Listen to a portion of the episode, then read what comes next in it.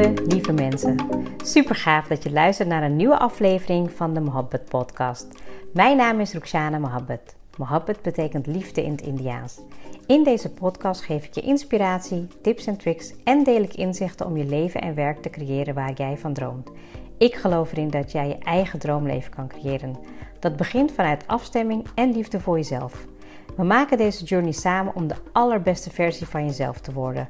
Door te werken aan je mindset, persoonlijke ontwikkeling en vanuit je diepe kern aan te gaan trekken wat je wil, zodat je al jouw doelen gaat bereiken.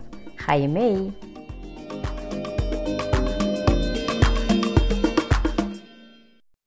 Wat fijn en wat goed dat je weer bij bent vandaag. Ik ehm, was met uh, Alia en Sanna in gesprek. Um, ik was wat aan het uitleggen over waarden en over kernwaarden. En dat kwam um, naar aanleiding van ja, zeg maar een sessie die ik heb gehad uh, over waarden uh, tijdens NLP. En nou, ik wilde dat eigenlijk ook met ze bespreken om ja, bij hunzelf na te gaan wat dat voor hun was, is en ook hoe ze dat kunnen onderzoeken. Nou, en ik was er zelf ook eigenlijk wel mee bezig op bepaalde vlakken en contexten.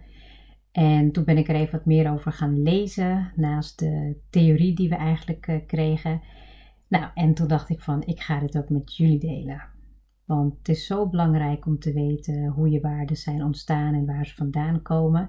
En misschien is het wel iets meer een theoretische uitleg, maar ik weet wel zeker dat het je heel veel kan helpen om um, ja, te begrijpen waar je waarden vandaan komen. En misschien wel ook een soort van te kaderen, dat je um, ja, echt weet in welke fase ze zijn ontstaan. Um, maar vooral ook hoe je dat kan gaan onderzoeken en kan gaan inzetten um, op een bepaald gebied. ja, en ik, uh, ik ga ze gewoon heel kort met je doorlopen. vooral om te weten hoe jij voor jezelf kan uh, weten hoe je je waarden hebt aangeleerd.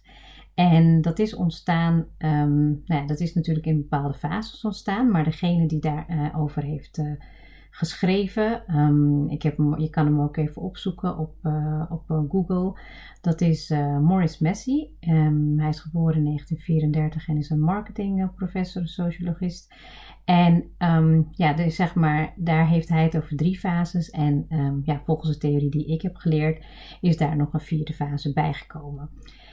De eerste fase is de fase dat je nog zeg maar um, van 0 tot en met 7 jaar. En ik heb het ook heel vaak tijdens mijn podcast zeg ik ook wel van nou, dingen die je hebt aangeleerd in je jeugd. Die uh, nou ja, tussen 0 en 8 jaar uh, zeg maar uh, onbewust zijn aangeleerd. Nou en, en die fase, dat wist ik niet, die heette imprintfase. En um, ja, eigenlijk alles wat je gewoon um, ja, onbewust hebt geleerd als kind in die leeftijdsfase.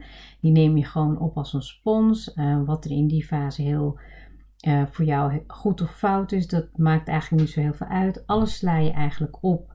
En wat je dan ook als kind leert in die fase, die is eigenlijk essentieel voor, jou, um, ja, voor jouw waarden. Nou, de volgende fase die er is, dat is de modelleringsfase. Dan ga je je eigenlijk echt ontwikkelen. Dat is een, uh, ja, een leeftijd ook dat je natuurlijk naar de puberteit gaat. Dat heb ik natuurlijk nu zelf ook met mijn eigen kinderen. En wat je daarin gaat doen, is je gaat eigenlijk mensen nadoen. Hè. Je kan bijvoorbeeld uh, je ouders daarin als voorbeeld hebben, maar het kunnen natuurlijk ook gewoon mensen zijn die jou in die fase heel erg interesseren. Bijvoorbeeld mensen die, uh, nou ja, weet je, die, waar je gewoon een fan van bent. Of um, ja, eigenlijk bijvoorbeeld als ik gewoon kijk naar mezelf, dat ik ook in die fase, dat ik ook um, ja, door bepaalde um, docenten heel erg geïnspireerd werd van, oh, dat, die doet het echt op een hele creatieve manier of die vindt het echt uh, heel belangrijk om dit of dat te laten uitkomen. En in die fase ben je eigenlijk ook een beetje jezelf aan het, um, uh, je identiteit aan het vormgeven. En daarom noemen ze het ook een modelleringsfase, dat je eigenlijk gewoon dingen gaat uh, modelleren van mensen die, um, ja, die jou aanspreken. Um, nou, en dat herken ik ook weer bij mijn eigen kinderen. Ik zie dat ook heel erg terug in, um, in Sanne. Um, nou goed, Ali heeft die fase natuurlijk ook al gehad. En de volgende fase, de derde fase, dat is die, uh, de fase van de socialistische fase. En daar ga je dus eigenlijk connecten met mensen buiten je eigen familie. Dus buiten je nou ja, standaard systemen, laat ik het maar zo zeggen. Uh, en dat wordt niet alleen door uh, mensen buiten die fase om beïnvloed, maar zeker ook in deze tijd ook heel erg door social media. Uh, ik denk dat het volgens mij wel in alle fases nu is. Maar toch altijd wel interessant om ook op die manier te bekijken hoe je dat meeneemt in je eigen, um, ja, eigenlijk je eigen formulering en uh, vaststellen van je waarden. En dan heb je de vierde fase, dat is eigenlijk vanaf je 21ste en dat noem je de werk-socialistische fase. En daar gaat het meer om dat je zeg maar bepaalde waarden ontwikkelt op basis van samenwerking met je collega's of peers. Hè? Of uh, hoe je kijkt ten opzichte van je klanten of werkgevers. Of misschien ook wel een stukje uh, hoe je kijkt in het stukje van ondernemerschap, als ik voor mezelf mag spreken. Um, deze fases die zijn cruciaal voor de waarden die jij, die jij vormt gedurende je leven. En nou ja, wat waarden zijn in mijn um, beleving, zijn eigenlijk uh, mijn idealen, die voor mij het leven, zeg maar echt die voor mij het leven, uh, in het leven zo waardevol zijn. En dat ik, ja, dat zeg maar echt mijn fundament van al mijn overtuigingen. En ja, weet je, de waarden zijn eigenlijk uh, zo diep in jezelf dat je um, ja, dat je daar gewoon echt een paar kernwaarden van hebt. En ja, ik denk dat het heel mooi is om um, ja, zeg maar dat te bespreken voor jezelf. Hè? En op, nee, bespreken, je gaat niet met jezelf bespreken, maar reflecteren met jezelf. Ik was het aan het bespreken met Sanne en Alia. En ja, ze gaven me eigenlijk bijvoorbeeld terug van nou, zonder dat we er echt heel diep over hadden gehad. Zeiden ze nou ja, weet je, liefde en inspiratie, vrijheid, uh, onafhankelijkheid, authenticiteit. Dat zijn waarden die jou kenmerken. En nou, ik heb het ze ook nog teruggegeven wat, uh, wat ik denk dat hun waarden waren. En ja, ik heb toen zeg maar eigenlijk gezegd tegen hun van ga een top uh, eh, 3 tot en met een top 10 maken van wat voor jou echt super, super belangrijk is. Um, en ja, dat, dat bespreken we dan uh, één keer in de zoveel tijd met elkaar om stukje daarin ook samen te groeien. En het is misschien ook wel leuk, want ik las dat inderdaad ook ergens dat de 10 meeste um, waarden wereldwijd zijn vrijheid, eerlijkheid, respect, verdraagzaamheid, rechtvaardigheid, gelijkheid, vrede, vriendelijkheid, liefde en veiligheid. En dan vind ik dat liefde nog best wel laag staat. Ik denk dat die wat mij betreft op nummer 1 zal staan, met liefde. Um, nou, en onderzoek voor jezelf dan in welke context of in welk werkgebied jouw waarden van belang zijn. En dat kan je op verschillende gebieden doen. Op het gebied van werk, van je business, je relatie, je gezondheid of je geloof. En ik was voor mezelf nu bezig met een stukje vanuit um, mijn business. En daar vind ik het natuurlijk heel, daar heb ik het wel vaker over gehad, een stukje vrijheid, onafhankelijkheid. Nou, ik denk dat het voor elke ondernemer wel geldt. Uh, creativiteit, maar ook authenticiteit. En als ik echt kijk naar mijn relatie, dan vind ik uh, liefde en geluk een basis, maar dat geldt ook voor familie. Nou, en gezondheid, dat wordt denk ik een thema voor, uh, voor volgend jaar. Ik heb zeker op een stukje gezondheid is een van mijn waarden. Um, ja, een soort van rust, vitaliteit. Hè? Dat is een beetje ook wel te zien aan de yin yoga bijvoorbeeld. Maar ik, ik denk dat echt het onderzoeken van um, welke waarden voor jou, waarden voor jou heel belangrijk zijn. En in welke fase ze ook zeg maar in jouw leven zijn ontstaan daarmee kan je eigenlijk ook heel makkelijk de koppeling maken naar het hier en nu.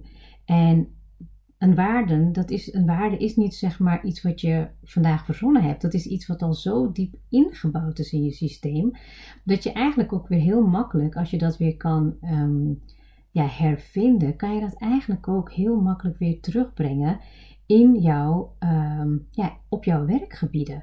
En ik denk dat we heel vaak um, onze eigen idealen, onze eigen ja, fundamentele overtuigingen gewoon, ja, soort van, ik wil niet zeggen vergeten, maar dat je vaak door de drukte of door de verwachtingen van de maatschappij of van alles wat er überhaupt van je verwacht wordt, dat je daar soms niet helemaal naar kan leven.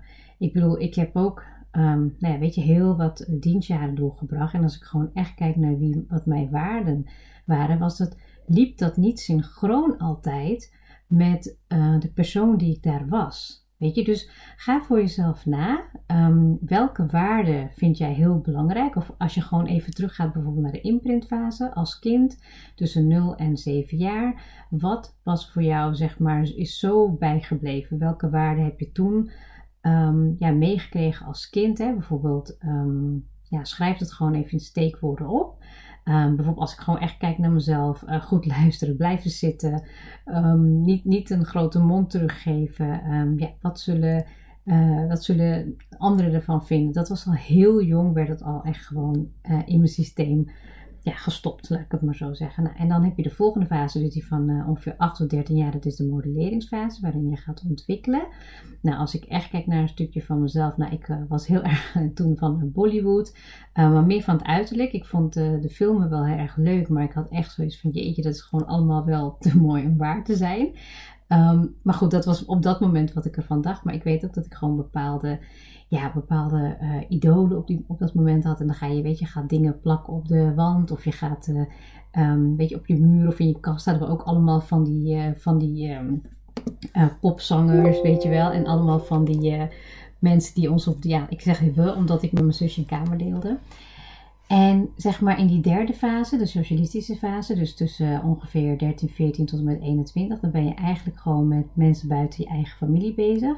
Nou, en die hebben natuurlijk ook een bepaalde uh, impact op jouw waarde. Dat is misschien wel wat meer je, je schooltijd, weet je, dat je misschien al wat, wat verder ging groeien. Nou, als ik echt kijk naar mezelf, ja, er zijn echt een paar mensen die in die fase met wie ik een connectie had. En dat waren, ik ging heel vaak om met wat oudere um, vriendinnen. Dat vond ik toen heel fijn, omdat ik daar ook best wel veel van leerde. En ik was ook wat verder in mijn eigen fase, juist door de omstandigheden die we bijvoorbeeld thuis hadden.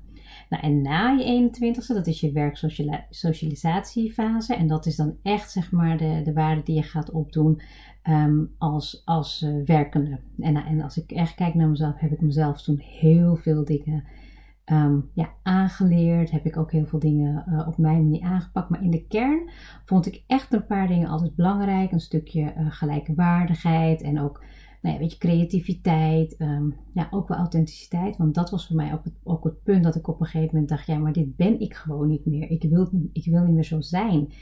En vanuit mijn kern kon ik het gewoon niet meer opbrengen om daar me anders in voor te doen.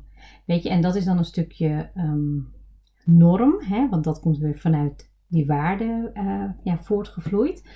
Um, maar dat ik daar veel meer bezig mee was, omdat ik gewoon echt wilde dat ik uh, ja, echt meer naar mijn eigen waarde ging leven. En dat onderzoek is het ook echt heel erg waard.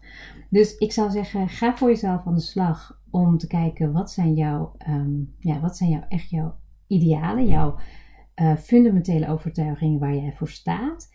En in welke context of op welk werkgebied um, kan je die van jezelf al benoemen? En dan zou ik gewoon echt een paar, weet je, bijvoorbeeld drie gewoon daarin pakken. Bijvoorbeeld je werk of je business, je relatie, uh, familie, geloof of gezondheid. In ieder geval die voor jou uh, aanspreken en die met jou in dit moment resoneert.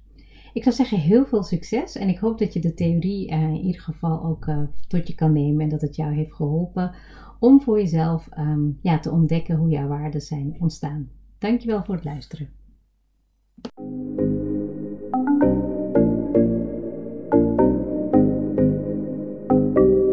Super leuk dat je hebt geluisterd. Ik zou heel erg dankbaar zijn als je een screenshot maakt en mij tagt. Mijn doel is om mensen in beweging te krijgen, zodat ze hun droomleven gaan creëren. En ik zou het gaaf vinden als je een review achterlaat en mijn boodschap met zoveel mensen wil delen als je kan. Share and create your life with Mohabbat.